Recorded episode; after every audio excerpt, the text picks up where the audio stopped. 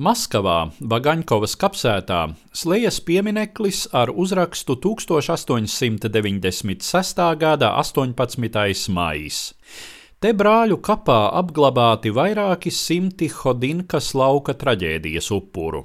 Baisais notikums šajā datumā Maskavā prasīja pēc oficiālām aplēsēm 1379 cilvēku dzīvības un spilgti iespiedās Krievijas sabiedrības apziņā.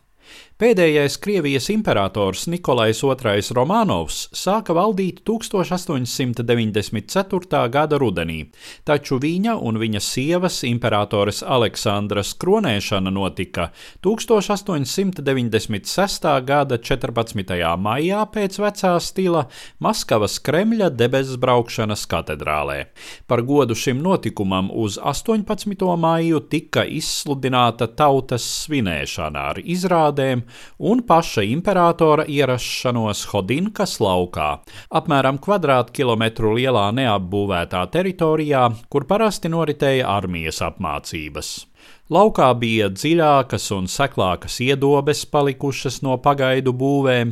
Vienā lauka malā, kur kādreiz bija rakta grants, stiepās grāva ar stāvām nogāzēm un dažāda dziļuma bedrēm dibenā.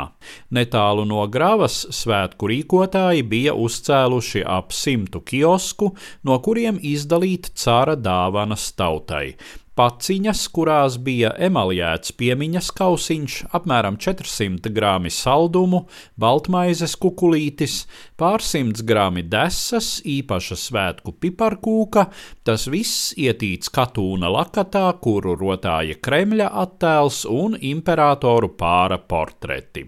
Runas par šīm karaliskajām veltēm klīda pa Maskavu jau vairākas dienas iepriekš, līdz ar baumām, ka tirgotāji, kas bija nolīgti suvenīru izdalīšanai, protams, dāļājot tos savējiem, tāpēc visiem nepietikšot.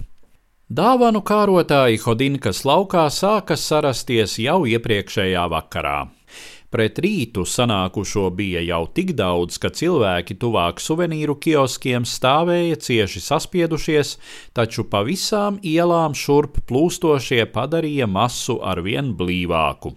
Kā lēš ap sešiem no rīta, sanākušo skaits sasniedzis pusmiljonu.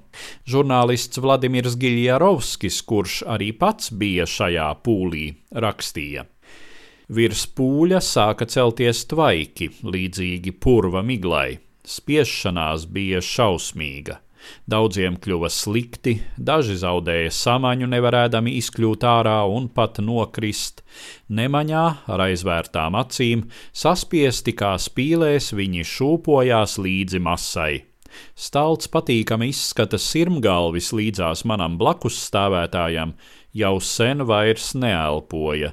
Viņš bija nosmacis, klusējot, miris neizdvezdams neskaņas, un viņa atdzisušais līķis arī līgojās mums līdzi. Man blakus kāds vēma, nevarēdams pat noliekt galvu. Citāta beigas. Tomēr pats briesmīgākais tikai sekoja tad, kad tirgotāji ļaužu piespiesti sāka sviest pūlī dāvanu sainīšus. Satrakojies pūlis traucās pēc mantas. Kioskiem tuvāk stāvošie tika triekti pret sienām un burtiski sašķaidīti.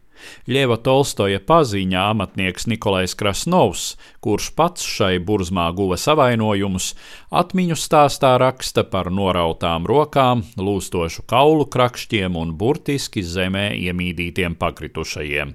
Sevišķi bezcerīgā situācijā izrādījās tie, kuri bija apmetušies grāvas dziļākajās vietās. Pūlis no augšas viņiem uzgrūda virsū citus, saspiežot zem ķermeņu svara. Nikolais II uzzināja par notikušo jau pēc pāris stundām. Cārs nemainīja svētku programmu. Ap diviem dienā, kā paredzēts, viņš ieradās Hodinkā, no kurienes steidzīgi bija aizvākti simti līķu, un sveica tautu, bet vakarā piedalījās rautā Francijas vēstniecībā. Daudziem šī monarha rīcība šķita šokējoša. Tajā saskatīja simbolisku liecinājumu par viņa attieksmi pret savu tautu.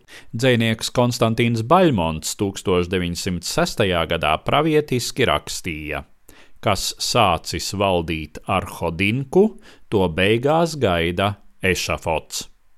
stāstīja Eduards Liniņš.